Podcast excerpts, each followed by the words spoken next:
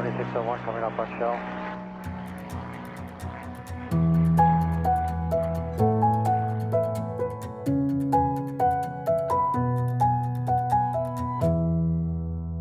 Hej og velkommen til Skyhooked, Danmarks første faldskærmspodcast. Hej Michelle. Hej Mie. Hvad skal der ske i dag? I dag der har vi et interview. Ja, Vi har talt med Shetil. Mm. Eller Kjetil, som nogen kalder ham. hvad kalder du ham? Jeg kalder ham Kjetil. Okay. Det Jeg tror ikke, det er helt rigtigt. Kjetil, tror jeg, det er noget i den stil. Ja, jeg kalder ham Kjetil, og jeg tror ikke, det er øh, helt Nej, det er sådan bogen. underlig uh, S-C-H-E. S-C-H-J-E. Ja. Kjetil. Kjetil er nordmand, Ja. og derfor han har et lidt Spøjst. svært udtalende navn. Mm. Første gang, jeg mødte Kjetil, det var i 2011. Ja. Jeg vidste intet stort set om forway. Jeg vidste noget med, at man flyver på maven sammen med nogle andre. Mm. Og det var til en DFU Cup, min første DFU Cup. Den her konkurrence, hvor man øh, er på et øh, random hold ja. med nogle andre, og så er der en eller anden coach på. Mm. Og vores coach var ikke super erfaren. Han kunne noget, men han, han, han var ikke meget, meget erfaren. Nej. Og øh, vi lå rullet nede i FDK, og jeg havde, altså, jeg, jeg havde skulle virkelig, virkelig koncentrere mig for det her med at huske, skal man tage fat i det højre ben, mm. eller det venstre ben, og hvad for en arm var det, jeg skulle bruge nu, og så videre. Mm. Og så kommer den her nordmand hen, og altså, jeg, jeg har svært ved at forstå norsk og svensk i forvejen. Det er til grænsen til det pinlige. Ja. Og Chitil har også øh, sagt til mig flere gange, at hold kæft, du er dårlig til at forstå mig. Eller ej, han siger ikke hold kæft, men han har i hvert fald flere gange nævnt, at Hold kæften. Ja, at Mi har bare været den dårligste til at forstå mig. Men det, det, det, øh, jeg er dårlig til at forstå norsk og svensk. Ja.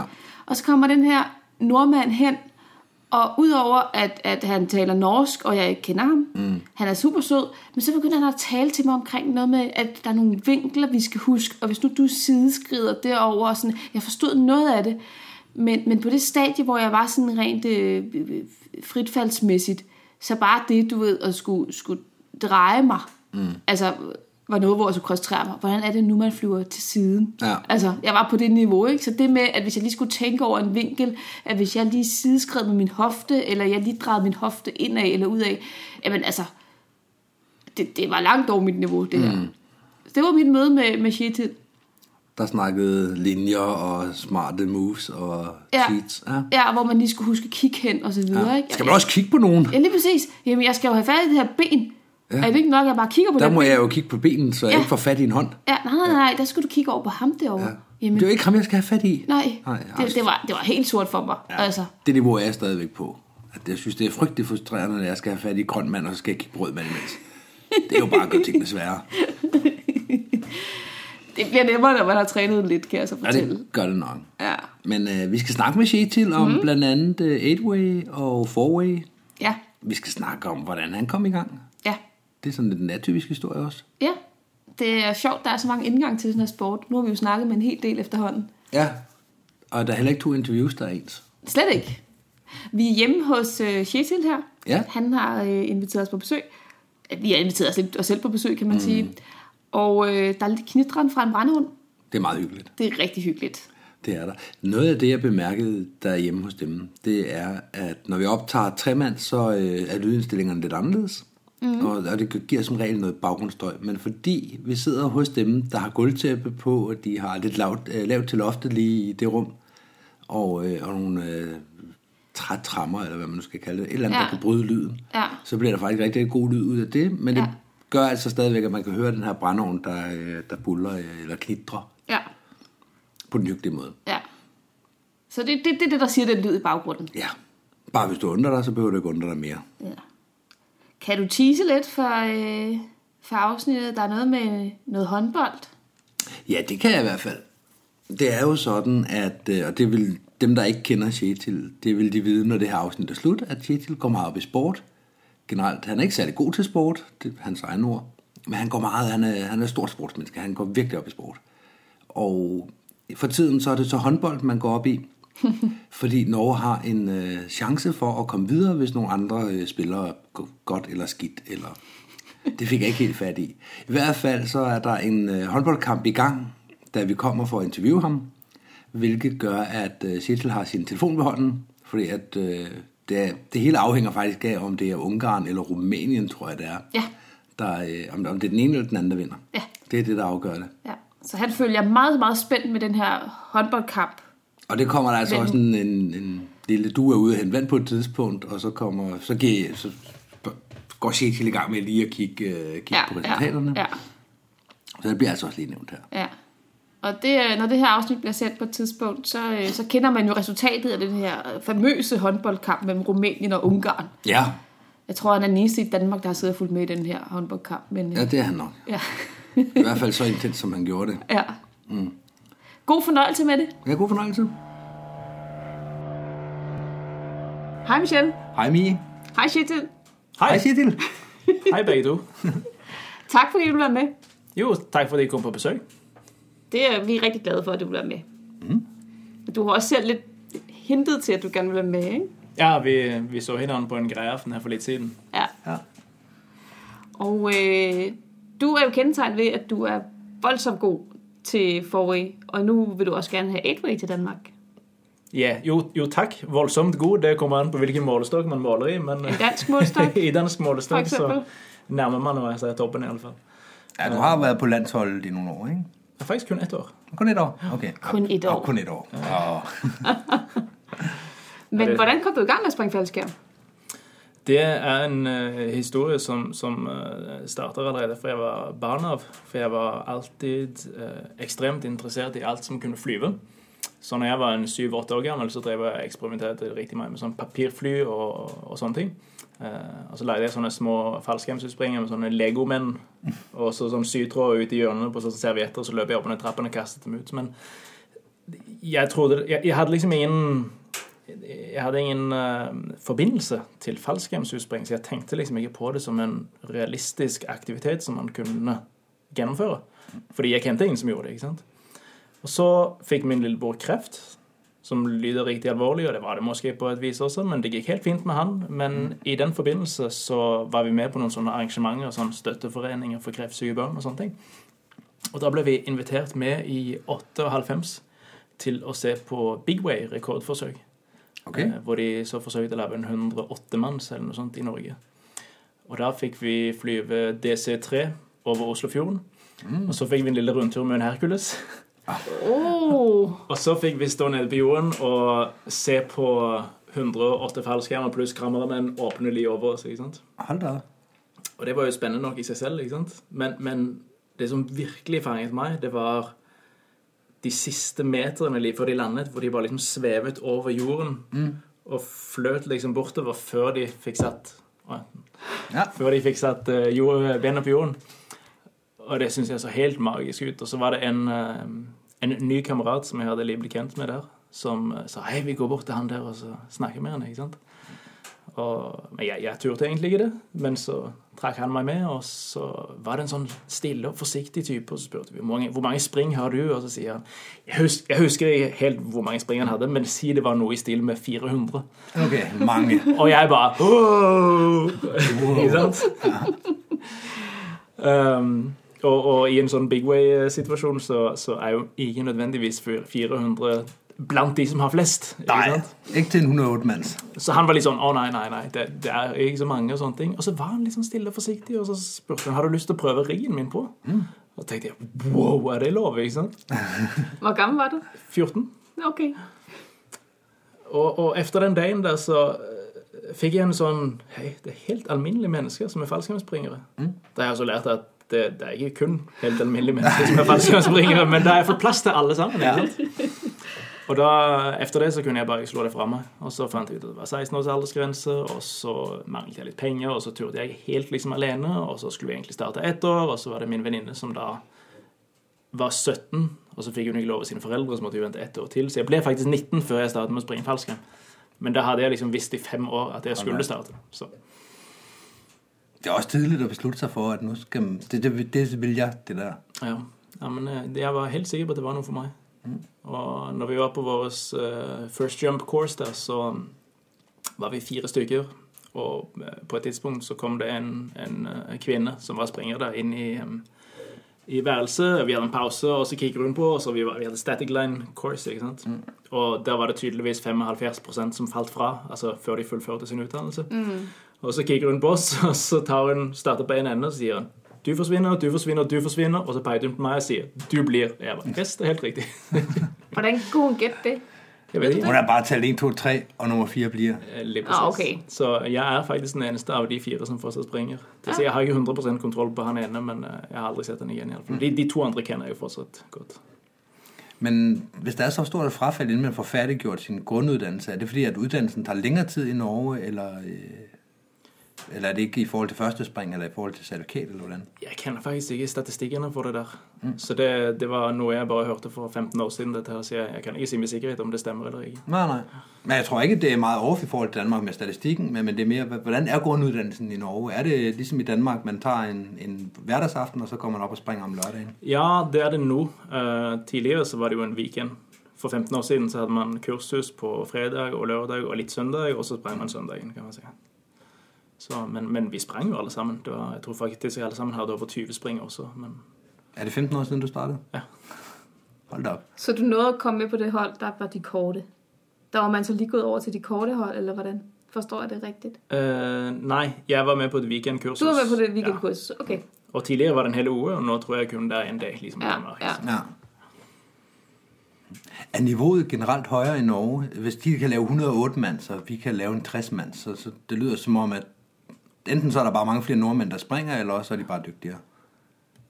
Jeg vil si at nivået eh, ikke nødvendigvis er høyere i Norge alltid på alt, men ja, det er faktisk et høyere nivå i Norge.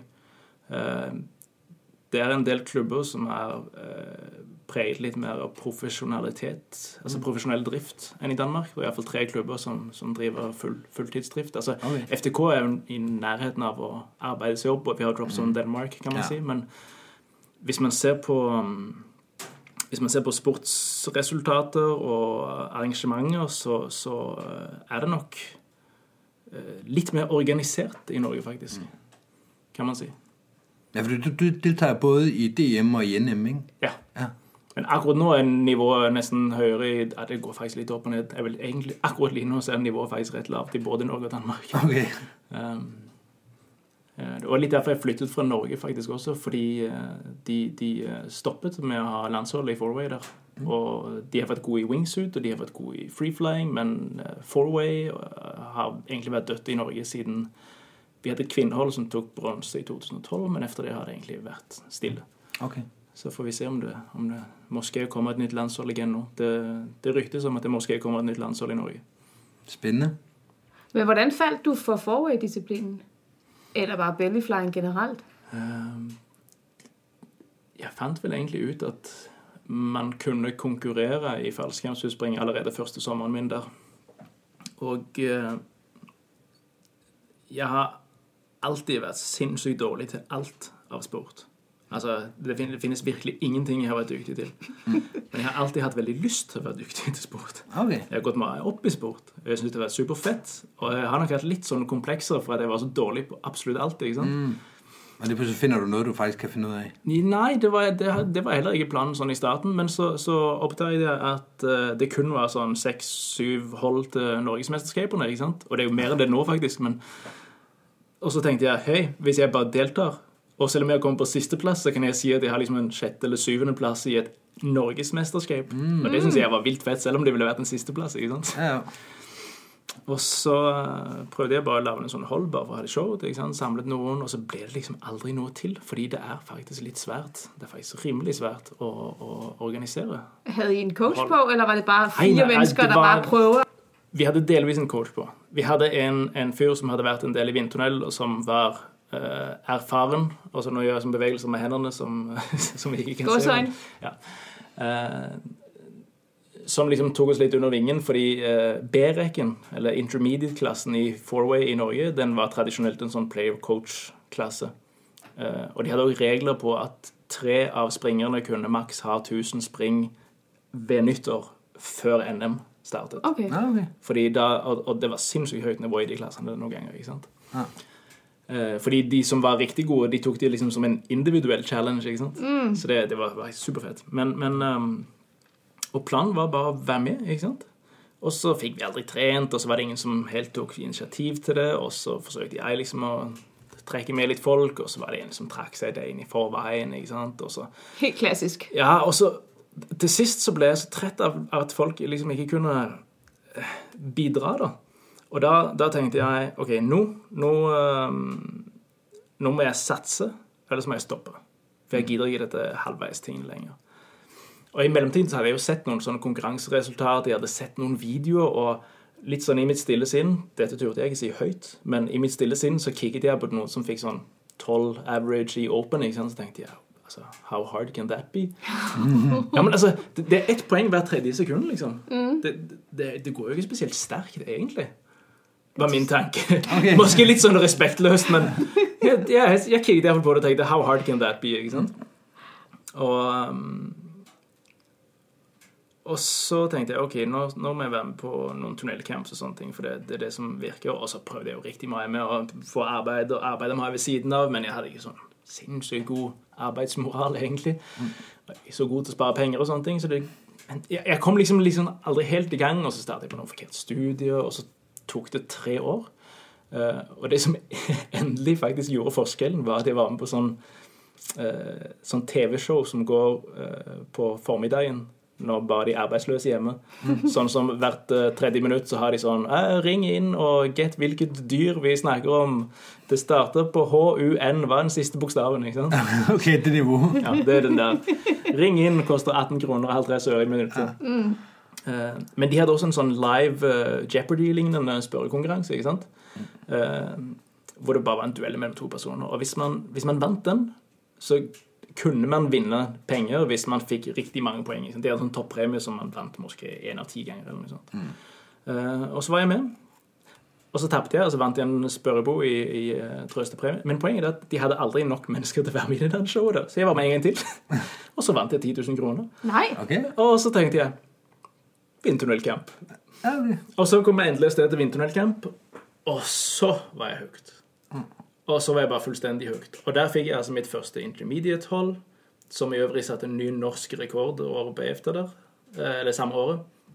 Eh, Vi vant allikevel ikke, for det var et annet hold som satte enda bedre en ny norsk rekord.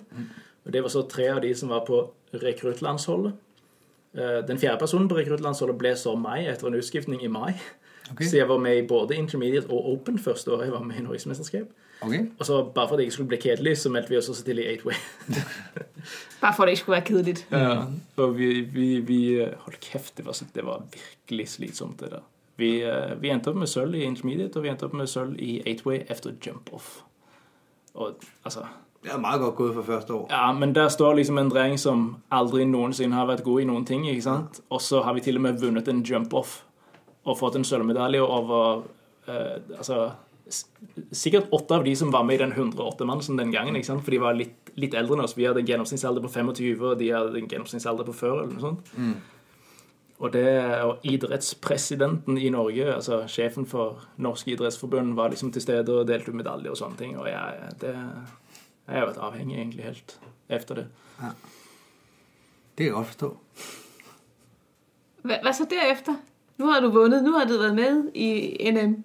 Ja, Så du kunne du bare sige tjek, og så... ja så, så tenkte jeg ok, vi, vi får fortsette.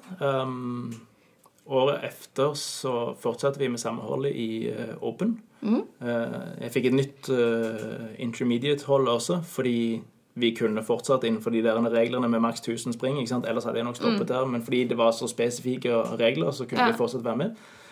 Den vant vi i 2009. Nei, 2008 mener jeg selvfølgelig. Det var 2007 var mitt første år. 2008 vant vi eh, intermediate. Eh, vi tok sølv i 8-way igjen, og jeg tror jeg fikk fjerdeplass i open, noe sånn som de tre første årene før vi endelig fikk en bronsemedalje det tredje året. Og da måtte vi opp på 15 i snitt.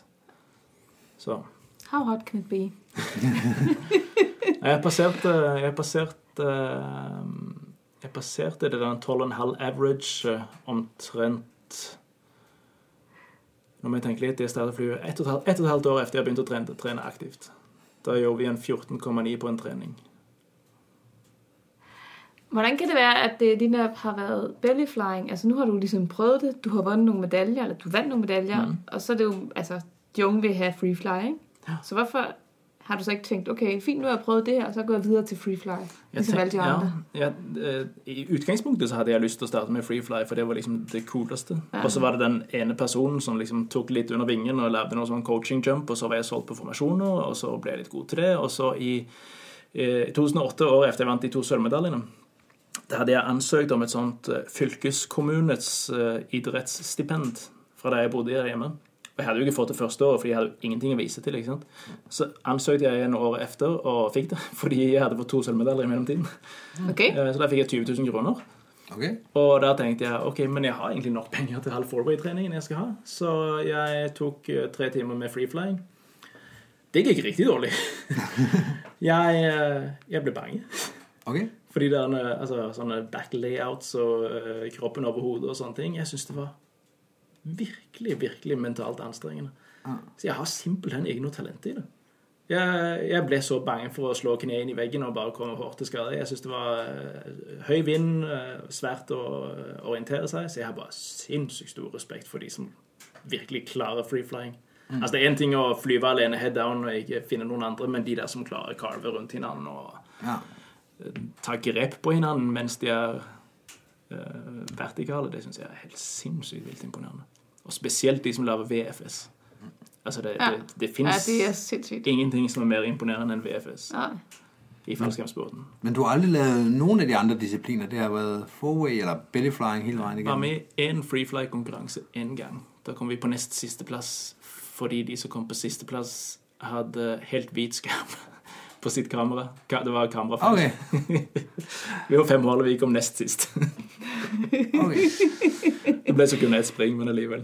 Men du springer eh, også noget store formationer. Jeg kan huske, jeg har sett deg på spring på store formasjoner også. Ja, jeg var med på et norgesrekordforsøk i eh, 2010. Ja. Fra to Hercules-flyvere, en 120 manns. Det gikk så ikke. Vi fikk kun tre forsøk. Og så var jeg med Hercules her siste år, 17, Ja. 2017. når vi, når vi forsøkte der. Uh, og er klart vi heller ikke sett rekorden. Mm. Så jeg har, jeg har faktisk aldri egentlig laget noen store formasjoner. Jeg tror måske jeg har vært på noen 20 mann. eller eller sånt. Det tror jeg er noe av det største jeg har vært med til. Var du ikke med på Danmarksrekorden i 15? Nei. Det var jeg ikke. Jeg hadde, jeg hadde litt for mange andre ting å se til. Jeg hadde, hadde ikke riktig feriedager B Okay. Det var når Pangea forsøkte å slå Warriors. Ah, Når Warriors var landshold, og vi ikke var det. ja. Det var også en god fight. Som vi dessverre tapte, men eh, jeg er rett stolt over den eh, konkurransen. Men hva skete der så? Nå har du liksom, nu du etableret deg, du var rigtig god til, til forway og 8 du har vundet medaljer, og du har testet free fly. Det var ikke lige sagen. Tilbage mm. til maveflyvning. Hvad skete der så? Du flyttede også til USA, ved jeg. Ja. Så historien uh, henger med at Norge var historisk riktig god til fourway. De tok eh, medaljer i eh, slutningen av 90-erne og starten av 2000-tallet i, eh, i FS. Altså VM-medaljer tok bronse. Det var liksom Frankrike, USA og Norge som var de beste. Um, og så fikk vi et nytt hold som gjorde det bedre poengmessig, men de kom aldri høyere opp en femteplass i VM. Og så uh, Efter det så hadde vi litt problemer. Altså, første holdet som ble landshold efter de som da gjorde 22,5 som mest, kan man si, som er riktig godt. Hvis ikke en Hayabusa, så var det samtidig som Hayabusa var på vei opp, og de var omtrent på samme nivå som Hayabusa den gangen. Um, og så um, og så skjedde det at vi fikk et sånn generasjonsskifte, og så var det et hold i 2009 som kun var med én sesong. Um, og de var ok gode, men de hadde måske forventet litt mer poeng enn det de fikk fra forbundets side. Og så uh, fikk jeg en reunion med det holdet vi hadde i 2008. Fordi to av oss ble så oppgradert til landsholdet i 2009. Og så kom vi to andre med. Jeg var den minste erfaren på det tidspunktet. Så jeg kom så med i 2010 på landsholdet. Og så hadde vi en sesong hvor vi hadde også en del problemer, og spesielt med fall rate. eh, Ja. Det, det var den første sesongen med det holdet hvor det bare ikke gikk så godt. Og så bestemte så Marianne seg for å stoppe. Og så hadde vi en utskiftning igjen, og så ville vi ha med Ulrik Høgsberg, som hadde flyttet fra Danmark. Liden. Ja, dansk sprenger. Og Og så fikk vi bare beskjed om at han ikke var norsk nok, og at de hadde bestemt seg for å legge ned FS-landsholdet. Og Der fikk jeg sånn litt sånn identitetskrise, faktisk, fordi jeg var ferdig med min utdannelse. Jeg hadde en sånn bachelorgrad i noe sosialarbeid som ja, for meg var litt en bachelor i, i sunn fornuft. Eh, jeg, jeg, jeg slapp av sted med å lese ikke så spesielt mye. Det var mange dyktige mennesker på det studiet som leste mye, og som er riktig gode, men hadde man riktig studieteknikk, så, så kunne man arbeide 40 ved siden av. ikke sant? Okay. Så min identitet var aller sterkest knyttet opp mot Fourway og landshold og alt dette her. Og den mistet du så? Ja, så jeg ble ekstremt usikker på hva jeg skulle der. Um, og jeg var sur og holdt kjeft, for jeg skrev noen e-mail som ikke var spesielt uh, vennligsinnede den gangen der. Um, som, som jeg fortsatt står for i dag, men samtidig så har jeg også litt mer forståelse for at de som sitter og lager disse avgjørelsene, har litt flere ting å tenke på enn kun meg. Sannsynligvis. Så uh, gikk jeg i noen måneder og visste ikke helt hva jeg skulle der. Um, og så hadde jeg hørt om at eh, Flemming Andersen hadde et hold som han var på vei til å starte i USA, og at de manglet noen. Også en dansker? Yes. og så tenkte jeg ja, men jeg kan jo ta kontakt med dem. Og så ble jeg invitert over til å komme og prøve springet. ikke sant? Jeg skulle være i Californien i fem dager eller noe sånt. Og så ble det plutselig til at jeg allerede hadde fått plassen og skulle være der tre uker istedenfor, så vi liksom startet vår trening. da. Et halvt sammen med Flemming? Flemming og to amerikanere. ja. Ok. Hvem var de to andre? De, To amerikanere, Christine no. Peterson. Ja, ja. Ja, har du møtt DM en gang? Mm. Eh, Den siste het Kevin. Um, han var tandemspringer. Han, han har aldri vært i Danmark. Ikke spesielt kjent utover at jeg har vært på hold med han. Um, og det endte opp med Ja, det endte simpelthen opp med at jeg solgte stort sett alt jeg eide, og flyttet til California. Rett stort skritt. Til Paris. Ja, og det Jeg fikk utrolig mye oppmerksomhet for det der, fordi det var mange som syntes det var vilt cool, og, og at det liksom Jeg tror det framsto som et offer for mange, men for meg så føltes det egentlig bare helt naturlig på et vis. Ja. Selvfølgelig litt skummelt å skulle flytte til et annet kontinent og sånne ting, men Det er da litt vilt å flytte fra Norge til Kalifornien Ja. for å springe fallskjerm. Altså, jeg, Ja, for ikke fallskjermspringer, så må det være helt mind-blowing. Ja, Ja. et- Det er måske nemmere for meg, fordi at jeg har eh, hva skal man si, ekstremt eh, økonomisk stabile foreldre som hjelper til hvis man plutselig havner i et problem. Mm, så sterk base. Ja, Så det, det er ikke det at de tjener vilt mange penger, men de har alltid bare vært ekstremt forsiktige med hva de har, og de har litt buffer. og I tilfeller tidligere hvor jeg har liksom feilberegnet litt, så kan jeg låne litt penger for en kort tid, og så betale tilbake, kan man si. Ja. Og det, den sikkerheten ved at vi alltid har det sikkerhetsnettet, gjorde at det føltes ikke så skummelt for min skyld, kan man si. Um, og det prosjektet ble aldri sånn noe riktig godt. Det var et stort eventyr, og jeg var sinnssykt heldig med å selge min leilighet i, i eh, Oslo, så jeg hadde litt ekstra penger. så det ble aldri noe, det ble aldri noe krise økonomisk, men, men uh, jeg var der også kun et halvt års tid, og så flyttet jeg til Danmark, fordi, ja, som stort sett alle som lytter vet, så fikk jeg en riktig god eh, dansk kjæreste. Og så ble jeg også utvist fra USA. Eller sendt hjem når jeg prøvde å komme inn, fordi jeg hadde reist mange ganger fram og tilbake.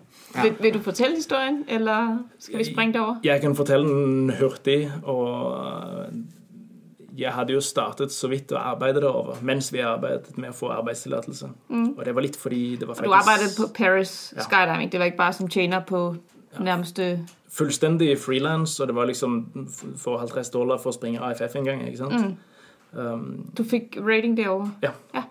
Uh, Men det som, så, det som så skjedde, var jo egentlig at de hadde dekket opp med instruktørkapasitet og sånne ting, men så, så um, det var en riktig uh, hår det var, et, det var et hårdt forår derover, fordi det var flere som døde innenfor kort tid. Um, og dette gikk jo også utover en danske, faktisk. De hadde to, to ganger med skremkollisjoner, hvor fire mennesker styrte til jorden eh, med 15 dagers mellomrom. Ja. Det har været i få i 11, ikke? Jo. Ja. Uh, Første gangen det skjedde, som var 30. til 31. mars, da hadde jeg vært der i eh, Ja, jeg hadde vært der tre år i februar, så hadde jeg vel egentlig flyttet ut et par år før det, sånn for godt. Og da var det ikke noen jeg kjente godt. Det var en instruktør som jeg liksom kjente litt, og så var det en som jeg slett ikke kjente. Begge to døde, og det var, det var hardt. Det var første gang jeg har opplevd dødsfall uh, mens jeg har vært på en springplass. Jeg så det ikke, men, men det var mer spesielt. ikke sant? Um, og så gikk det bare 15 dager, og så skjedde det igjen. Og da skjedde det jo med, med, med Jakob der. Og det, han hadde jeg bodd sammen med en uke i forveien. Jeg kjente ham ikke før det, men vi hadde vært riktig tett på hverandre den siste uken. da. Og, og selv om det på ingen måte er meg det er mest synd på i den historien der, så hadde jeg helt fått tid til å bearbeide de første dødsfallene. Og når det så skjedde igjen så, så tett på, så Det er måske den eneste gangen jeg har virkelig vurdert å stoppe å springe fallskjerm. Um, det var hardt. Det, det var riktig hardt. Var det, altså, jeg, jeg satt på satt på en kant på et tidspunkt uh, samme dagen eller dagen etter at jeg, jeg tror det var dagen etter Jakob var død. og så husker ikke hvem det var, men det kom noen forbi som jeg, som jeg kjente rett godt, og så spurte de meg altså, Are you okay? Og det var måske første gang jeg svarte nei på det spørsmålet. Og det var ikke sånn alminnelig nei, det var et uh, starte og tude, så øynene hopper ut av hjernen nei, liksom. Så Det er også voldsomt. Ja, det er det. Så oplever du med så kort mellomrom, som man blir præsenteret for, hov, man kan faktisk også dø i den her sport her. Og så kort tid etter sånn Nå faller folk bare døde ned fra himmelen etter efter hvert lift eller hva? Ja. Og så en dansker, ikke? Ja. Som man lige har lært som som lært å. Så, ja. Ja. Bor i samme hus som ja. Vi, det, det er faktisk rett mange av mine danske venner i fallskjermsporten her nå som jeg møtte for første gang når vi skulle fortelle at uh, han var kommet riktig hardt til skade, og vi skulle på hospital, og vi satt der en jeg vet ikke, 12 12-13-14 stykker eller noe sånt og bare ventet på å høre om hvordan det gikk. Så det, Ja. Det, er en- del, av, en del av de jeg kjenner her, som jeg har eh, fått en mer spesiell start med, kan man si. ja. Og så flyttet du til Danmark. Ja. Igen, vil du fortelle hvorfor at du ikke bare ble i Kalifornien, eller vil du heller springe over? Nei, men jeg, jeg En av grunnene til at jeg ikke bare ble i California, var fordi at holdet gikk ikke helt som man hadde planlagt. Eh, Jeg tror vi manglet en sånn riktig ledertype, eller at den som var ledertypen, måske var ledertype på litt for mange ting samtidig. Sånn at det ble litt eh, ja, vi måtte avlyse treninger på kort varsel, og så ble det dårlig vær når vi skulle trene, og alle de tingene der. Så det kom det, Ja. Jeg er ekstremt lojal, altså, men så ble jeg også sendt hjem fra USA. Og så hadde jeg også fått en kjæreste i Danmark. Og på et tidspunkt så ble det bare for mange ting Altså, jeg forsøkte faktisk å komme inn i USA etter jeg ble sendt hjem igjen der. Um, men jeg kunne ikke fått visum fordi jeg hadde verken arbeid eller noe studiested i, i Norge, som da fortsatt var mitt land. Um, og så skulle jeg egentlig bare komme på besøk til Danmark mens jeg forsøkte å komme inn i USA igjen. Og så når jeg hadde vært i Danmark i sånn fire års tid, så fant jeg ut at ok, men jeg blir jo nødt til å gjøre et eller annet på hverdagen mens jeg er her. Så begynte jeg å lese computer science fordi jeg kjente en som gjorde det. Og så, ja, nå er jeg plutselig blitt systemutvikler og arbeider Så- som så det er- er ekstremt tilfeldig. Altså, jeg har en bachelorgrad i noe sosialarbeid, ikke sant? sosial- og sunnhetsarbeider, og så plutselig så har jeg flyttet til Danmark og arbeider Så du er stadig på besøk i Danmark på Ja. hvad, 8. år eller sjuende år. år. 7. Jeg har startet på det 8. nå, ja, det er riktig. Jeg har vært her over syv år nå. med fast kæreste og hus og biler og job, men, men yeah. stadig bare på besøk. Ja, det. Hvor lang tid var du i USA? Jeg var der fra hvis, hvis man tar med februar, da, hvor jeg var der nesten hele måneden, så var jeg der vel i seks-syv måneder, tenker jeg. Okay. jeg. eh, Ja, det var vel midten av august omtrent jeg kom til Danmark. Så. Det er litt sjovt, fordi at når man er i Paris og snakker om Danmark, så er det jo noen som sier siger, kender du så shit? Ja, ja, det gør jeg. så du må ha sat et avtrykk der over alligevel. Ja, måske. Det var, det var, det var ret hyggeligt, det var. Det var. Ja. Men i Danmark, der har det så vært forway, du har sprunget. Ja, i første omgang. Så når jeg først kom til Danmark, så uh, Altså, det er hårdt å flytte til et annet land, selv om det er noe som er så ens som Norge og Danmark. Fordi man skal lære seg riktig mange ting på nytt som man tar for gitt. Som for eksempel hvor kjøper man billetter til kollektivtransport? Ja. Eh, sånn er det jo bare hvis man flytter til nye byer også, for så vidt. Men eh, eh, hvor finner man telefonnummeret på internett? Ikke sant? Altså, det, det er så ekstremt mange små ting som man ikke tenker over, som gjør at man føler seg så utrolig handikappet og avhengig av andre. Så, så det var hardt i starten. Um, og jeg leste et studium som var betydelig hardere enn det, det forrige studiumet som jeg hadde lest. Um, Men jeg ville også riktig gjerne springe noe falsk. Mm. Um, og jeg hadde fortsatt litt penger tilbake igjen etter mitt uh, ekstremt heldige boligsalg fra Norge. Så jeg tenkte liksom min inngangsvinkel til det danske miljøet skulle være å starte eh, et fourway-hold. Um, og det skal sies at dansker er ekstremt imøtekommende, men det som skjedde i, i, eh, i fallskjermsporten her, det var at fordi jeg er nordmann, eller noe, så visste alle hvem jeg var fra første sekund, virket det som. Så når jeg kom i fallskjermsklubben, så hadde jeg vært der én gang, hilst på riktig mange mennesker. Så kom jeg neste gang, så husket alle meg, og jeg husket måske én. De to første årene jeg var i dansk fallskjermsklubb, så hadde jeg nesten sånn uh, frykt for mennesker, fordi jeg, jeg husket ikke folk. Nei. Jeg klarte ikke å huske navnet på folk. Og det var bare 'Hei, Kjetil! Hei, Kjetil! Hei, Kjetil!' Men for oss har du også vært den ene nordmannen, og vi har vært en stor gruppe danskere. præcis. Men vet du hva? Jeg har det faktisk sånn på arbeidet nå også. Vi hadde, vi hadde julefrokost her sist, uh, faktisk nå, nå fredag som var. Der var det også plutselig en eller annen vilt fremmed kvinne som jeg, jeg, jeg kan huske at jeg har sett henne, ikke sant? men aldri snakket med henne. Så plutselig bare vender hun seg om og sier 'Hei, Kjetil, kan du sende et eller annet?' Og jeg bare 'Hvordan vet du mitt navn?' Du er jo men... Anyway. Jeg kan huske, det jeg møtte deg. Så jeg tenkte, det der med fourway det, Jeg hadde faktisk ingen sånn riktig gode venner i fallskjermsporten før jeg begynte å springe fourway. Det har nok litt med å gjøre at jeg ikke drakk så mye alkohol før jeg var i Russland til VM. Men det, det er en annen historie. Men eh, så tenkte jeg at jeg, jeg skulle um, starte et fourway-hold, og jeg hadde sett på B-reken til DM at det var en eller annen pige som het Natalie, som, som hadde vunnet. Uh, hun var på et hold som scoret seks eller noe sånt. I forhold til norske standarder, hvor man liksom skulle opp i 16 for å vinne Ja. så var jeg sånn vilt imponert over, over poengsummen, kan man si. Uh, men men uh, jeg syns hun der nede i, i senter der, hun, hun fløy riktig godt, og hun hadde noe potensial, og det kunne liksom være en av mine inngangsbilletter til, å, til dansk fallskjermsport. Og fordi jeg hadde litt ekstra penger, så tenkte jeg jeg kan bare betale for min egen slott og være med og gi litt tilbake. ikke sant? Og så hadde hun snakket med en som het Lars, og mitt første inntrykk av Lars var at han var litt gammel og litt sånn ute av form, ikke sant? Så jeg tenkte OK, jeg vet ikke helt om du har potensial, men, men fint, det. Dette er efter alt til Lars. Så tok jeg ham den gamle tykke med oss. Yeah. Showt nok, så etter tre måneder så var han den som var i best form av oss alle sammen, så han gikk virkelig til den, altså. Og så var vi egentlig bare tre stykker i et stykke tid, og så var vi med i unionsmesterskapet med en reserve, og der fant vi så Maria.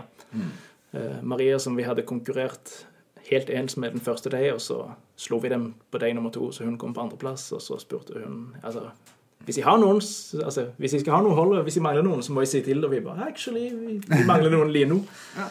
Så ble Maria med. Så i 2012 så lagde vi Airplay sammen med Mie, som var vårt kamera.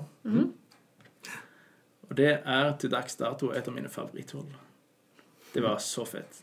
Og vi var på en fantastisk treningscamp nede i Spanien, bortsett fra at vi alle sammen kom til skade. bortsett fra det. Jeg lærte meg ett spansk ord på den turen, og det var moletas. Det betyr krykke. Det ordet har jeg også lært by proxy. For det er også det eneste ord, du kan på spansk, Mie. Seguramente, smilefanter. Det har du så lært efterfølgende, fordi det, ja, dengang der kunne du også kunne si mojetta. Ja, ja, og så selvfølgelig manjana. Men manjana. Og det var det de sa på apoteket når de ikke hadde medisiner. Okay, så måske i morgen. Ja, og det sa de seks dager i trekk. Altså, det var Men det var i Scarlet Spain, så kan jeg regne ut. Ja, Ja. det var i Skydive Spain. Der var alle folk kommet til skade. Ja, Så much. her er det du som må bestemme om du har lyst til å fortelle det, men det Nå, men vi tar det opp i, en, i et senere avsnitt av podcasten her, så Ja, ja. ja, det er ikke noe hemmeligt. Vi har bare ikke snakket om det nu, Nei. Om hvad? om hvordan jeg kom til skade i Spanien. Nå, nei. Det kommer Nå. i et senere avsnitt. Ja, men uh, Mia var ikke den eneste. Jeg fikk en eller annen sånn denne kødetende bakterie akkurat rundt uh, der, oh, det kan der jeg der, godt huske. Ja. Det var helt forferdelig. altså. Det var, det var Det så rundt. jeg godt vondt. huske. Ja.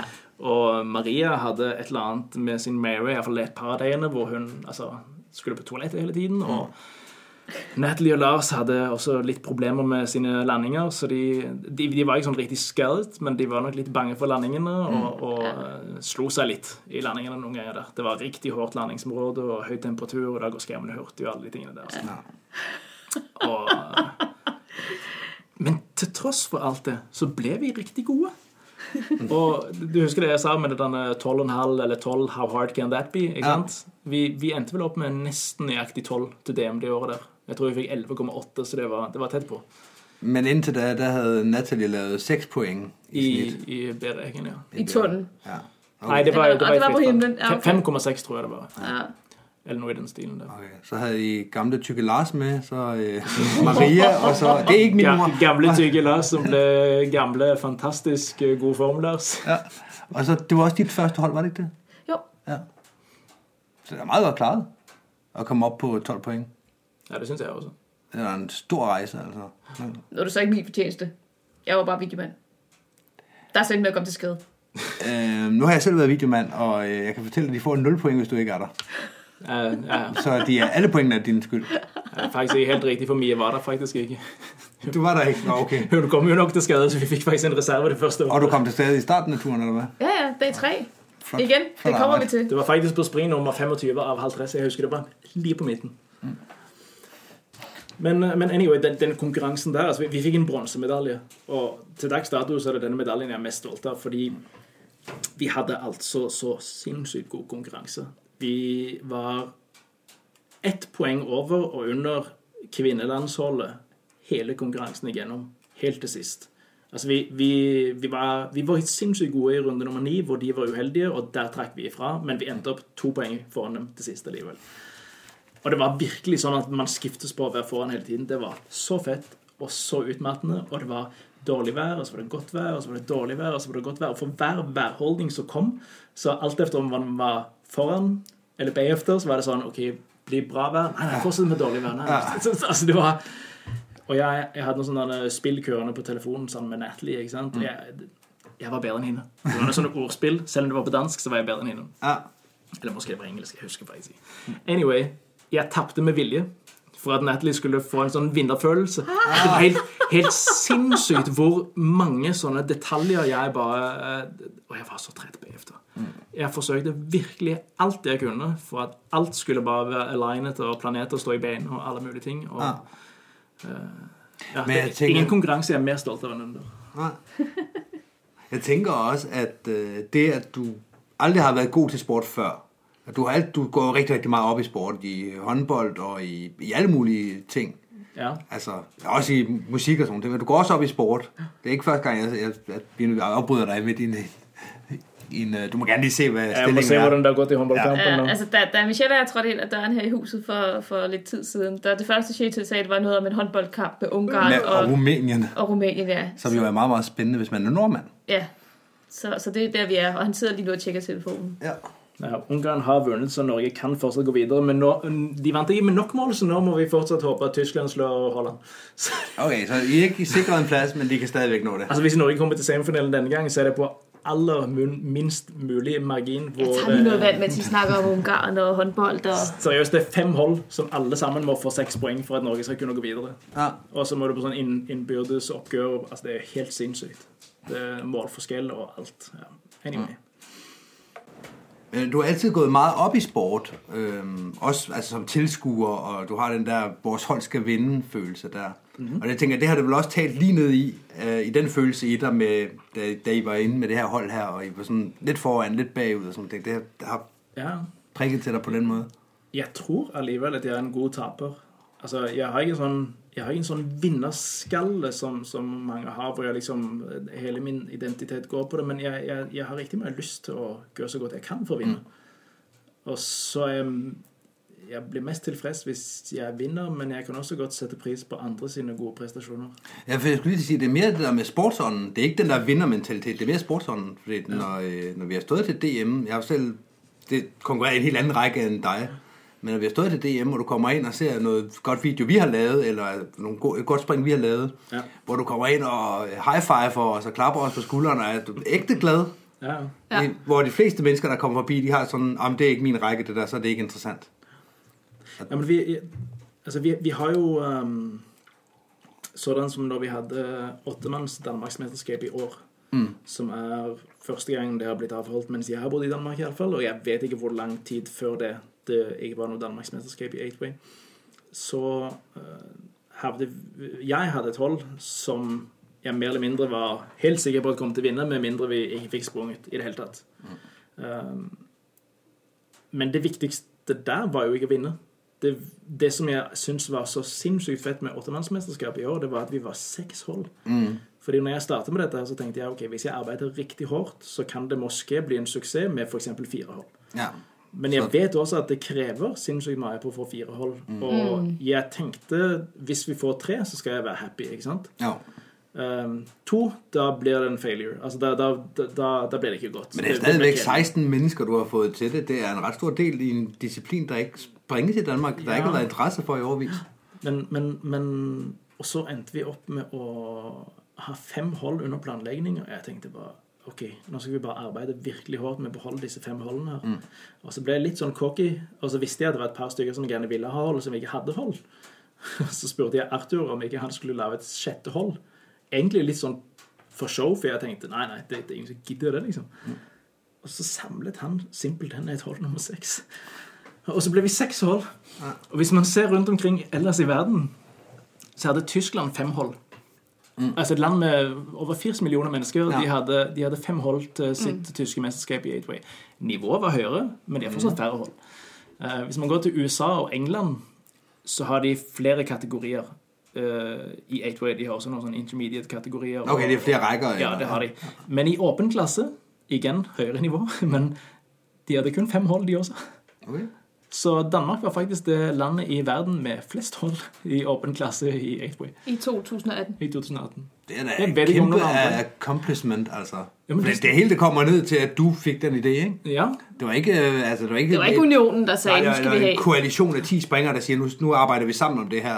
Jeg har indtryk af, at det primært var dig som menneske. det var det også. Jeg spurte DFO, og de, de, var, de var villige til å hva skal man si eh, akseptere å legge sin altså legge sin aksept til at det ble holdt, og også spørre uh, Danske idrettsforbund om vi fortsatt kunne avholde det, selv om vi hadde hatt en lang pause, som et offisielt DM. Okay. Uh, De hjalp til med medaljer, uh, men bortsett fra det så var det jo Så var det deg der lavede. Det var stort sett meg. Og det var jo også, det var jo også litt på amatørnivå. Og det var, jeg måtte jeg også bare være tydelig og si til folk at dette her er ikke så godt organisert som et alminnelig DM. Vi må bare hjelpes til og forsøke å få det til. Og så hadde jeg noen sånne små detaljer som jeg tror gjorde en litt stor forskjell. Og, og, og Tim var også litt heldig. Han hadde printet ut sånn gigantisk Ja. eh, eight-way dive pool. Um, som også hjalp riktig meg. Og så de denne små figurene som jeg tok med, så folk selv kunne liksom pusle sammen sine runder. Det tror Ja. jeg også eh, gjorde en, en forskjell. Altså, du, Pluss det kompendiet som vi skrev på forhånd, selvfølgelig, som folk kunne Ja. kikke på. Det tror jeg også var nødvendig at vi fikk de hjelpemidlene. fordi det var mange, der ikke... Altså, jeg har aldri sett 8-way. Så når jeg lige pludselig skal op og lave en, det hedder en Mika, eller hvad fanden sådan noget hedder. Det er far away. Nå, Okay, så noget andet. Danish tea? Det er også far away. Oh, Okay, men når man skal op og lave de her svære figurer... Norwegian box. Ja, den kunne jeg ikke huske. Men jeg kan huske, vi skulle lave de her sindssygt svære figurer, og i øvrigt så skulle vi også skifte farve hver gang, så man blev helt forvirret. Men det var, øh, det var afgørende, at der var noget information til os, sådan, så man kan sige, okay, så det han skriver, det er, at man skal gøre sådan her, og så skal man gøre sådan her. Ja. Så det, det virkede rigtig, rigtig godt. Men jeg havde ikke indtryk af, at det var noget, der var blevet lavet af en mand. Det var utrolig vel gennemført, Ja. det, det DM. Ja, Jeg har været til almindelig DM, der har været... Øh, mere kaotiske. ja, Men jeg fikk også ekstremt god hjelp, spesielt på jorden. Altså, Thomas var jo egentlig med på et hold. Eh, og Thomas sa han trakk seg fra et hold hvis jeg kunne finne en reserve, for da kunne han bruke all sin tid og energi på noe han syntes var enda sjåere, nemlig organisere og sørge for at ting gikk effektivt. ja. Eh, og nå var det jo sånn at de holdene som aksepterte at det var litt høy vind, sprang alle seks runder. Og det hadde vi aldri i verden fått til hvis ikke det var for Thomas. Nei.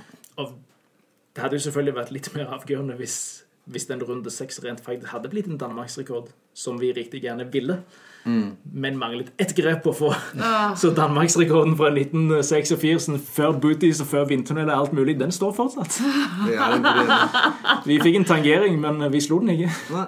Ah, Det blir øh, 2019. Kommer det DM i 8-way i neste år? Det gjør det. Denne gangen er det mer FDK som står for det. Okay. Men jeg har startet et 8-way-prosjekt som eh, Prøv å fortelle om det. Ja, det har jeg faktisk. Fordi min ambisjon er jo Jeg føler meg ferdig som, som landsholdsspringer i Forway. Fordi det krever riktig mye, og, og jeg ser ikke noen jeg, jeg ser ikke noen mulighet for å komme uh, altså jeg, jeg, har vunnet dansk og norsk mesterskap i fourway, ikke sant? så det, det, det, har man allerede gjort. Og det kan man faktisk gjøre uten å trene så mye mer, akkurat nå for tiden iallfall. Fordi mm. det er litt sånn dødt i både Norge og Danmark, kan man si. Eh, jeg vant jo både fourway i Norge og i Danmark uten egentlig trene sånn riktig mye til det i år. Eh, den i Danmark var jeg rett stolt av, men den i Norge var litt mer sånn bare på sparket. Men jeg kunne godt tenkt meg å ha hatt et åttemannshold. Jeg føler meg ferdig med Eightway. Jeg har egentlig alltid vært mest forelsket i Eightway. Hvorfor? Jeg vet ikke helt.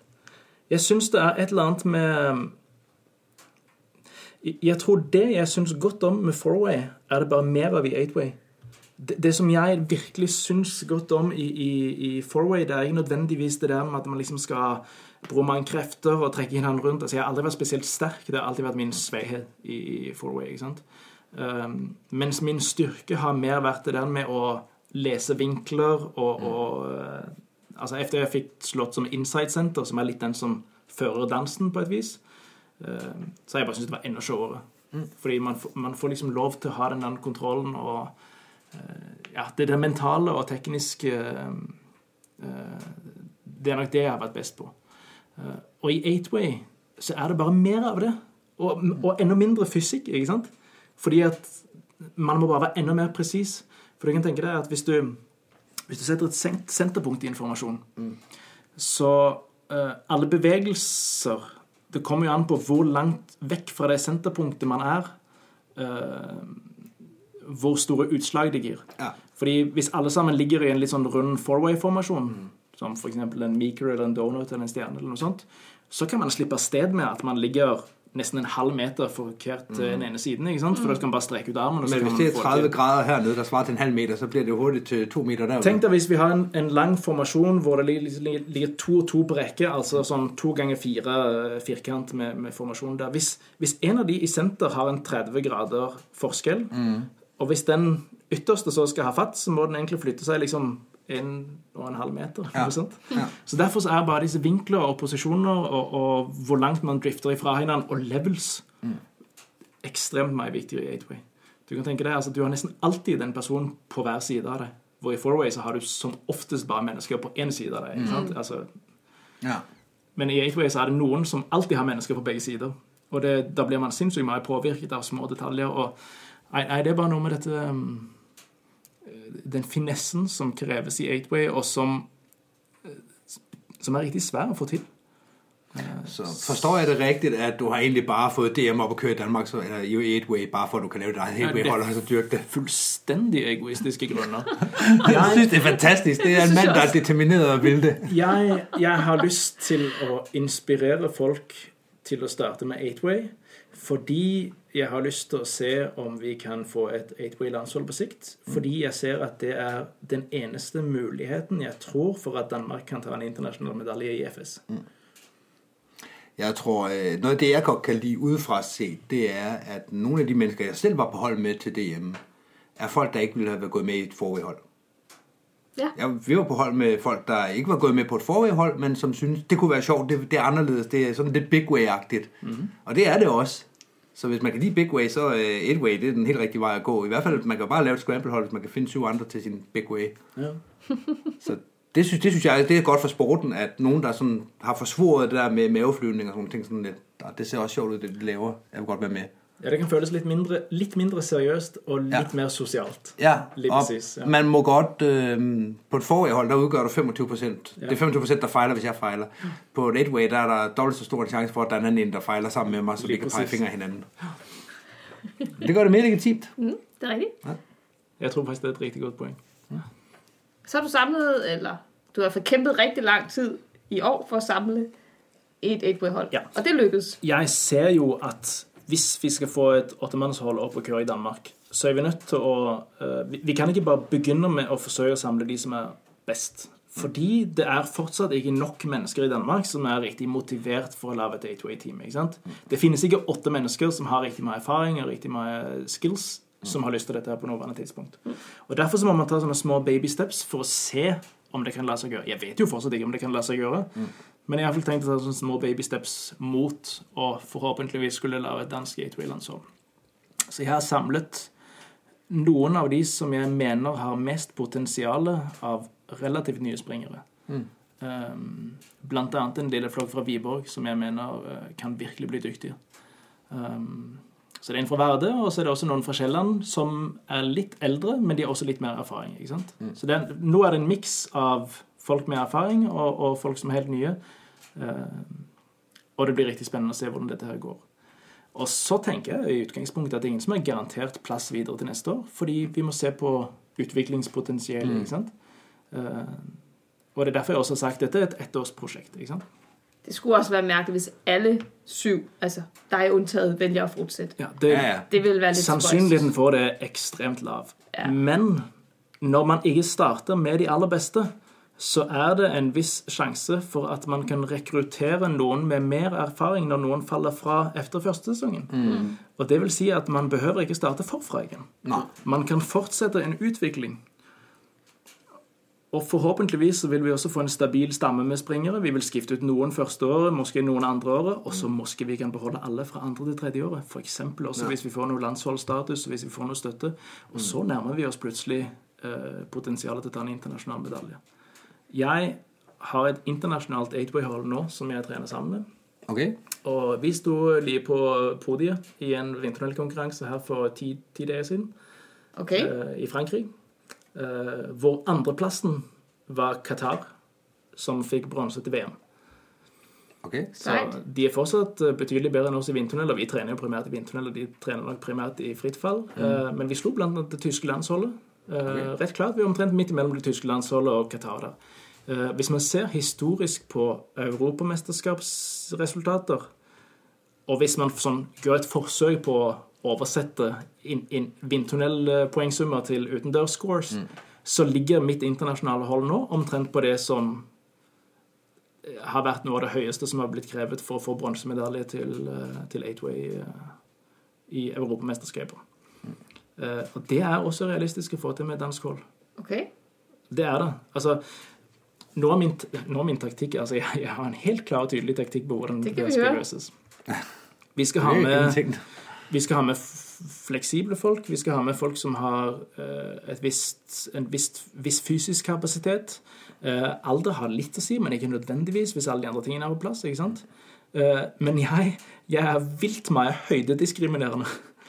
For noe av, det som, av det som er aller sværest når man skal trene i en vindtunnel, det er hvis folk er for høye og for lange. Jeg sad og tænkte på det før, da du sagde, at du havde været til Edway Tunnel. Ja. Er der figurer, man ikke bruger? Jeg kan huske, at der var nogle af figurerne, der blev ret lange op på himlen. Ja. De kan vel ikke lade sig gøre i tunnel? Det er to blokker som ikke er med. Okay, Og så er det et par av blokkene hvor det er en piece som ikke dreier rundt, f.eks. okay. Så man har tilpasset det litt, bare Ja. for at det kan være derinde? Ja.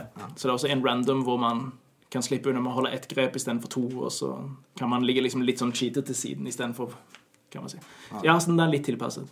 Men tingen er at det, det, det finnes virkelig ikke så mange hold som trener aktivt i vindtunnel. Og det der potensialet med å, å trene riktig Altså, jeg har litt den der 'how hard can it be'-følelsen igjen. Helt seriøst. Eh, og derfor så eh, Altså, jeg, jeg var jo sikker på sist gang om jeg noensinne kom til å komme over 12,5 i, i snitt. ikke sant? Men det var faktisk lett. Ah, Ish. Og, og derfor så jeg, jeg, har, jeg har litt samme følelsen nå. Hvis man bare klarer å organisere og finne folk som er motiverte og korte, så kan man trene riktig mye i vindtunnel. Altså, Er du klar over hvor billig det er å fly i vindtunnel? eller? Det er åtte mennesker som deler på det. Ja. Men jeg tænker også, at det er netop det der med at finde et hold, det er jo, det er jo den svære del. Det er svært på et forway-hold. Det har jeg jo set på, øh, på vores eget hold her, at øh, I havde endda fundet fire mennesker og skulle bare bruge en videomand. Øh, og før det, der, du Når, når været... du siger I, så mener du vel også TAS? Ja, så var det vel også tas. Ja. Vi, vores hold. Men før da, du har jo sprunget, Mi har jo sprunget forway i overvis, og det er sådan, om, så kan man lige få det til at mingelere, og mm. om, så skal vi smide 5.000 mere, eller også så skal vi gøre det i den weekend, eller der er altid et eller andet, der er så mange øh, expectations, der skal, der skal afklares, forventninger, der skal afklares, og med otte mand, så er der dobbelt så mange forventninger, der er dobbelt så mange mennesker, der yes. skal passe kalender sammen, der skal passe økonomi sammen, der skal øh, være korte sammen. Ja. Derfor blir man helt nødt til å, skaffe noen mennesker som kan passe litt inn i noen forskjellige roller. Og man blir også nødt til å ha noen mennesker som eh, ikke nødvendigvis har så mange sterke meninger. Nei. bare gode soldater. Ja, faktisk. Um, og så, så må man bare være god til å snakke sammen og si at dette her er sinnssykt svært. Og don't expect it to be easy, tenker jeg. også. og så starter også litt i det små, ikke sant? sånn at folk får en smell for det først og finner ut om, om dette er noe de vil. Eh, Men, men altså, med et four-way-hold, det er som å være gift med, med Ja. tre Det er liksom en være et forhold personer, med- altså. Med flere andre samtidig. Ja. Det er så Men når du så dobler opp, det er jo det, der jeg synes, det må bli fryktelig svært. For en ting er, vi lavede jo et scramble-hold til DM i 8-way. Og det aftalte vi jo lang tid i forvejen, men, men det lykkedes sådan rimelig, fordi det er sådan, okay, det er bare den weekend, vi skal gjøre det, og det koster det, det koster. I hvert fall nesten det eneste holdet som ikke fikk en utskiftning den, innenfor de siste to år, var det ikke det? Det er jo, det vi nok været. Jo, det kan godt være. Nei, I fikk en, I også. Vi det? Var det ikke det? Jeg kan ikke huske det. I fikk inn, uh, jeg fikk inn uh, Sally, men jeg husker ikke hvem som gikk ut. Nå, det er rigtigt. Sally kom ind hos os, efter vi havde været i Ukraine.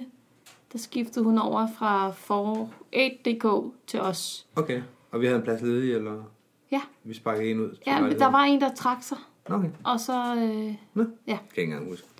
Nå, men anyhow, det passer i hvert fald det der med, at du siger, at du går efter at lave mennesker, fordi du har spurgt mig adskillige gange. ja. Og hvis der er noget, jeg kan, så er det at være kort. Ja, det, det er noget, du glimrer ved. Ja. Nei, jeg kunne, jeg kunne ha spurt deg mer også, men jeg, Du har spurgt mig nogle gange i hvert det er og jeg virker har som du var meget usikker på om du ville, og da Ja. har jeg heller ikke lyst til å presse, for jeg har lyst til folk som er motiverte. Ja. Men, men Ja. du hadde vært perfekt. på grund af, at jeg er 61-årig. Ja. Vet, Og det er sikkert også andre ting. vet du hvem som også hadde vært perfekt? Eli. Ja, Hvorfor. Altså, Ja, hvis bare hans ankel hadde vært litt mer funksjonell for tiden. ja. Men, øh, men spør meg igjen til neste år, fordi så kan det være, jeg er motivert. Men du er også en av dem som jeg har i tankene, som vi kan bruke som en erstatning hvis Mhm. det nå sker et eller annet med at noen stopper, eller ja. Ja, ja. Det lyder sjovt. Hva er fremtidsplanene fremtidsplanerne ud det her med, med en 3-4 års strategi? Altså er det bare å træne her hen over vinteren Det- frem til næste? Kommer litt an på hva det sker med mitt internasjonale hold. Fordi jeg føler at jeg kan lære så mye på å være med på det internasjonale holdet der. Og derfor så har jeg gjerne lyst til å fortsette så lenge mine holdkamerater er motiverte der. Eh, Så lenge det fortsetter, så har jeg ikke sånn økonomi til å betale selv. Altså Jeg fungerer jo som en coach for dette danske gateway-holdet nå. Um, men du bruger så dine penge på å springe med det internasjonale hold for å lære noe Ja. du kan ta med hjem til Danmark og gi videre. Så jeg, jeg har behov for å få dekket mine utgifter i forbindelse med dette danske 8-way-holdet. Og det, det er også en del av dealen der. Um, til gjengjeld så coacher jeg jo fullstendig gratis, og jeg betaler jo tre ganger så mye som dem for å bli coachet av en verdensmester Ja. og flyve med altså, så, så mine utgifter i den siste enden er jo høyere, selv om det ikke går direkte til det 8-way-holdet, kan man si. Så. Ja. Eh, Så får vi se. Men hvis det danske holdet plutselig begynner å nærme seg, eller bli bedre enn det internasjonale, så vet jeg jo hva jeg gjør. Hva er målet til DM i uh, 19 snittmessig? Jeg har tenkt litt på hva vi kan få i snitt der, og det er jo selvfølgelig litt farlig å si, men jeg pleier ikke å være så bange for å komme vi, med et vi sier det ikke til noen, til. Det er sådan bare mellom ingen. oss tre. Um, jeg synes vi bør klare iallfall seks i average. Mm. Det ligger under det som et hold med utrente, individuelt sterke springere fikk siste år. Jeg tror vi fikk 7, et eller annet der siste år. Mm. Uh, 7, nesten 8. Uh, så hvis vi får over 6, så skal jeg være happy, men jeg tror også det kan være potensial til å komme opp til 8. Side. Men, men det er selvfølgelig riktig svært å si, for jeg har aldri egentlig coachet et åttemannshold på denne måten her før. Så du skal ikke ha noe forway-hold. Skal du ha scramble-hold til DM måske et eller annet, men ellers ikke? Tre av de som er med på åttemannsholdet, skal jeg også springe fourway sammen med. Okay. I Til DM? intermediate. For det var tre av dem som gjerne ville investere litt mer penger. Det vil si, eh, en av dem kikker for seg litt på økonomien, men, men eh, det ser ut som om vi også skal springe intermediate til DM. Hvem er det? Det er de tre fra Viborg. Ok. Lars og William og Simon. ja. Ja, det blir, det blir riktig fett. Det blir spennende. Hva hedder holdet? Eh, det skal de få lov til å bestemme. Okay. Men vi arbeider under uh, tittelen Battery Hva? fordi vi føler energi, og fordi jeg ikke helt kan dansk ennå. Så ikke batteri. Det danske ord vil være batteri. Ja, men det er ikke det jeg mener, fordi uh, hvis man bare setter en lille ring over A-et i battery, Batteri. så står det åtter i midten. Ah, Og på norsk så betyr det eight-way. Men på dansk så står det med en O istedenfor en A. For åtter er ikke det med O istedenfor E. Å. jo, den er med O. Ja. Ja. Batteri. Så Jeg, det er, fungerer jeg er helt stødig her. Men, Altså Hvis man tar vekk den første og siste bokstaven ja, i battery, ja, så står det atter. Okay. Hvis man så setter en lille ring over A-et, så står det otter. Og det betyr da eight-way på norsk. ja, ok. Otter. Men det gjør det ikke på dansk, Nej. fordi det var det annerledes. Ja. Er, er du også med nu? Så det var en sånn lille failure i min uh, t-shirt-design-plan for holdet. Åh oh, Han Kommer med t-shirt til hele holdet, så ja. Nei, det fungerer ikke, sier jeg. Så tar jeg det med til Norge og bare setter liksom blå tusj på flagget. og... Åh oh, ja, det vil du gjøre. Skynd deg at sælge den deroppe. Men nå er det jo også deg der har spurgt, om du måtte få lov å være med i Skyhooked. Ja. Ja. Og vi er stadigvæk takknemlige for, at du har sagt ja. Mm. Er det noe vi øh, skal runde herinde, vi skal til å slutte af? Eh, jeg har fått lov til å snakke riktig mye om 8-Way, og om 4-Way, alle det. Altså, jeg, jeg vil gjerne oppfordre folk som ikke har prøvd det før, til å prøve. Det er faktisk ikke så svært. Anyway. Og nei, altså formasjonsspring i det hele tatt. Konkurranser. Og det er så sinnssykt sjovt. Altså Ja. Det har, det har virkelig gitt meg mye, og jeg føler meg fortsatt avhengig av det, selv om jeg nå har konkurrert i elleve år. ikke sant? Det, og jeg har brukt langt over en million på det. Og det, det skal man ikke gjøre hvis ikke man syns det er verdt det, men det forteller jo litt om Jeg har ikke angret på en eneste krone jeg har brukt på det. Altså det Jeg er helt enig, og det blir enda sjovere, hvis enda flere mennesker gør det. Ja. Da jeg var til DM i B-rekken siste år i 17, Ja. der var vi rigtig mange hold i B-rækken. Jeg tror, vi var syv eller otte hold. Det godt, der, vi kæmpede også i, i den dårlige ende, den, den jeg var i, for vi var ikke særlig gode, men der var kamp, fordi vi hadde noen å kæmpe med, og så bliver det sjovt. Og hvis alle har den tilgang, vi gør det bare for sjov, så bliver det rigtig sjovt. Og det, jeg har snakket litt om, om eh, altså, nivå og eh, man kan måske få en lille smule sånn prestasjonsangst når jeg står her og sier 'how hard can that be?' ikke sant? Og det vil jeg at folk skal tenke på. Jeg vil gjerne at de som er motiverte for å satse, skal tørre å tenke det. Men jeg vil også riktig gjerne at alle folk som tenker 'Hei, det kunne vært showt bare for show, å være med. Og hvis man kan klare å samle et hold som gidder å stille opp, og ingen som trekker seg dagen før, og sånne ting, så er det faktisk sinnssykt show. Og det er plass til alle i DM. Og masse andre konkurranser også. Vi har et element i Skyhook. Før vi startede, der snakkede vi jo lidt om, om du havde hørt nogle af afsnittene. Det har du ikke. Du har prioriteret nogle andre ting. Fred være med det. Men vi har et element her i Skyhook, der hedder de vise ord. Okay? Har du nogle vise skydiver-ord? How hard can it be? Det tænker jeg også. Det må gerne være profound, og det må også gerne være øh, Meget plat. plat. Ja. Det må være lidt, hvad du vil.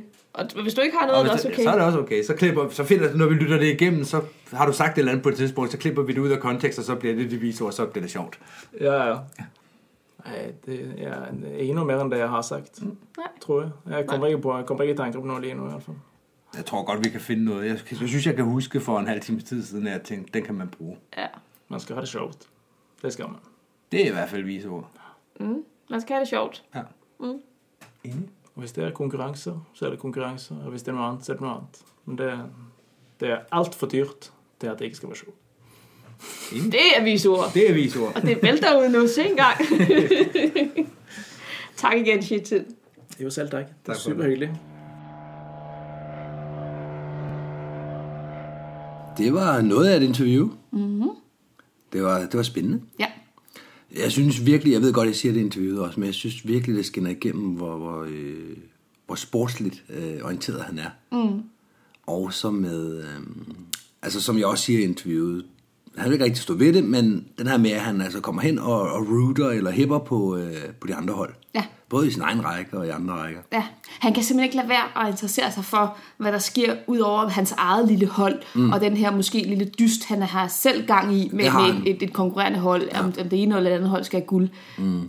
Han, han kan simpelthen ikke lade være med også at kigge sig omkring, mm. og det er, det er meget kendetegnende for ham. Altså, det er der ikke særlig mange andre, der, der har overskud til eller lyst til at gøre under en konkurrence. Nej, og der, jeg tror også, der er mange, der glemmer lidt, at hvis man selv har et hold, der sådan går nogenlunde, så glemmer man lidt, hvor svært det er at være på et hold, der ikke kører.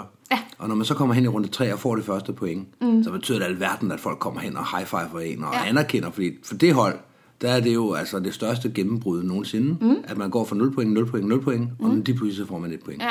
Og han, han er ved med stand til sådan helt oprigtigt Ja. at glæde sig på det her andet holds vegne. Ja. Altså når han kommer hen og siger, det var, det var virkelig godt klaret, så mener han det. Altså man ja. Kan virkelig mærke, det kommer fra hjertet. Mm. Altså, Ja, man bliver løftet af det. ja, det gør man. Ja. Det, han, har, han har kæmpe sportshold, også selvom man ikke forstår ved det. Det er også lidt sjovt, det her med, at at sådan en, en stakkel, der interesserer sig for meget for sport, ikke kan finde noget, noget som helst sport, ikke? Jo, Altså, og det er virkelig og så sjovt. fandt han så heldigvis sin Heldigvis så niche. fandt han noget, han kunne. Ja, som han er så rigtig dygtig til. Ja, så det, det løser Ja.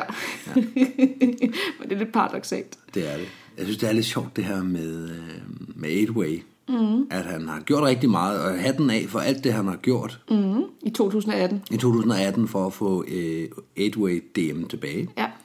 Det lykkedes, der kom riktig mange hold, alle de her ting, som I lige har hørt i, i avsnittet her. Men at det hele det egentlig bare er en del av hans store masterplan om, at han vil have, have det 8-way-hold. Ja. Og hvis han skal ha folk interesseret i det, så bliver han nødt til at være 8-way i Danmark. Ja, han kunne godt tænke sig at springe 8-way. Der er ikke rigtig noget, øh, nogen, der springer 8-way i Danmark. Nå, hvad gør vi så? Så lad det være en opfordring til ham, der sidder derude, eller hende, der sidder derude, og har lyst til at genopleve en eller anden præcision. Stil. Stil og præs, for eksempel, ja. eller... Øh, Hvis der sidder en eller anden og tænker, det der stil, Ja. det kunne jeg faktisk godt tænke mig. så kan det lade sig gøre. Ja.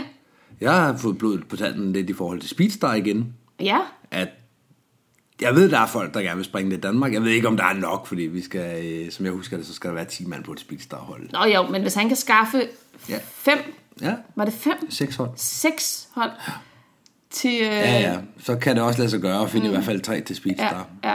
Men øh, tag den, hvis der er nogen, der sidder derude og tænker, den vil jeg godt løbe med, så, så mm. gør det. Jeg skal nok stille op. Mm. Jeg laver gerne to hold. ja. For det, jeg synes, det er noget af det sjoveste, vi kan lave. ja. Jamen, øh, så er der vel ikke andet end at sige øh, hej hej. Hej hej! Hej hej!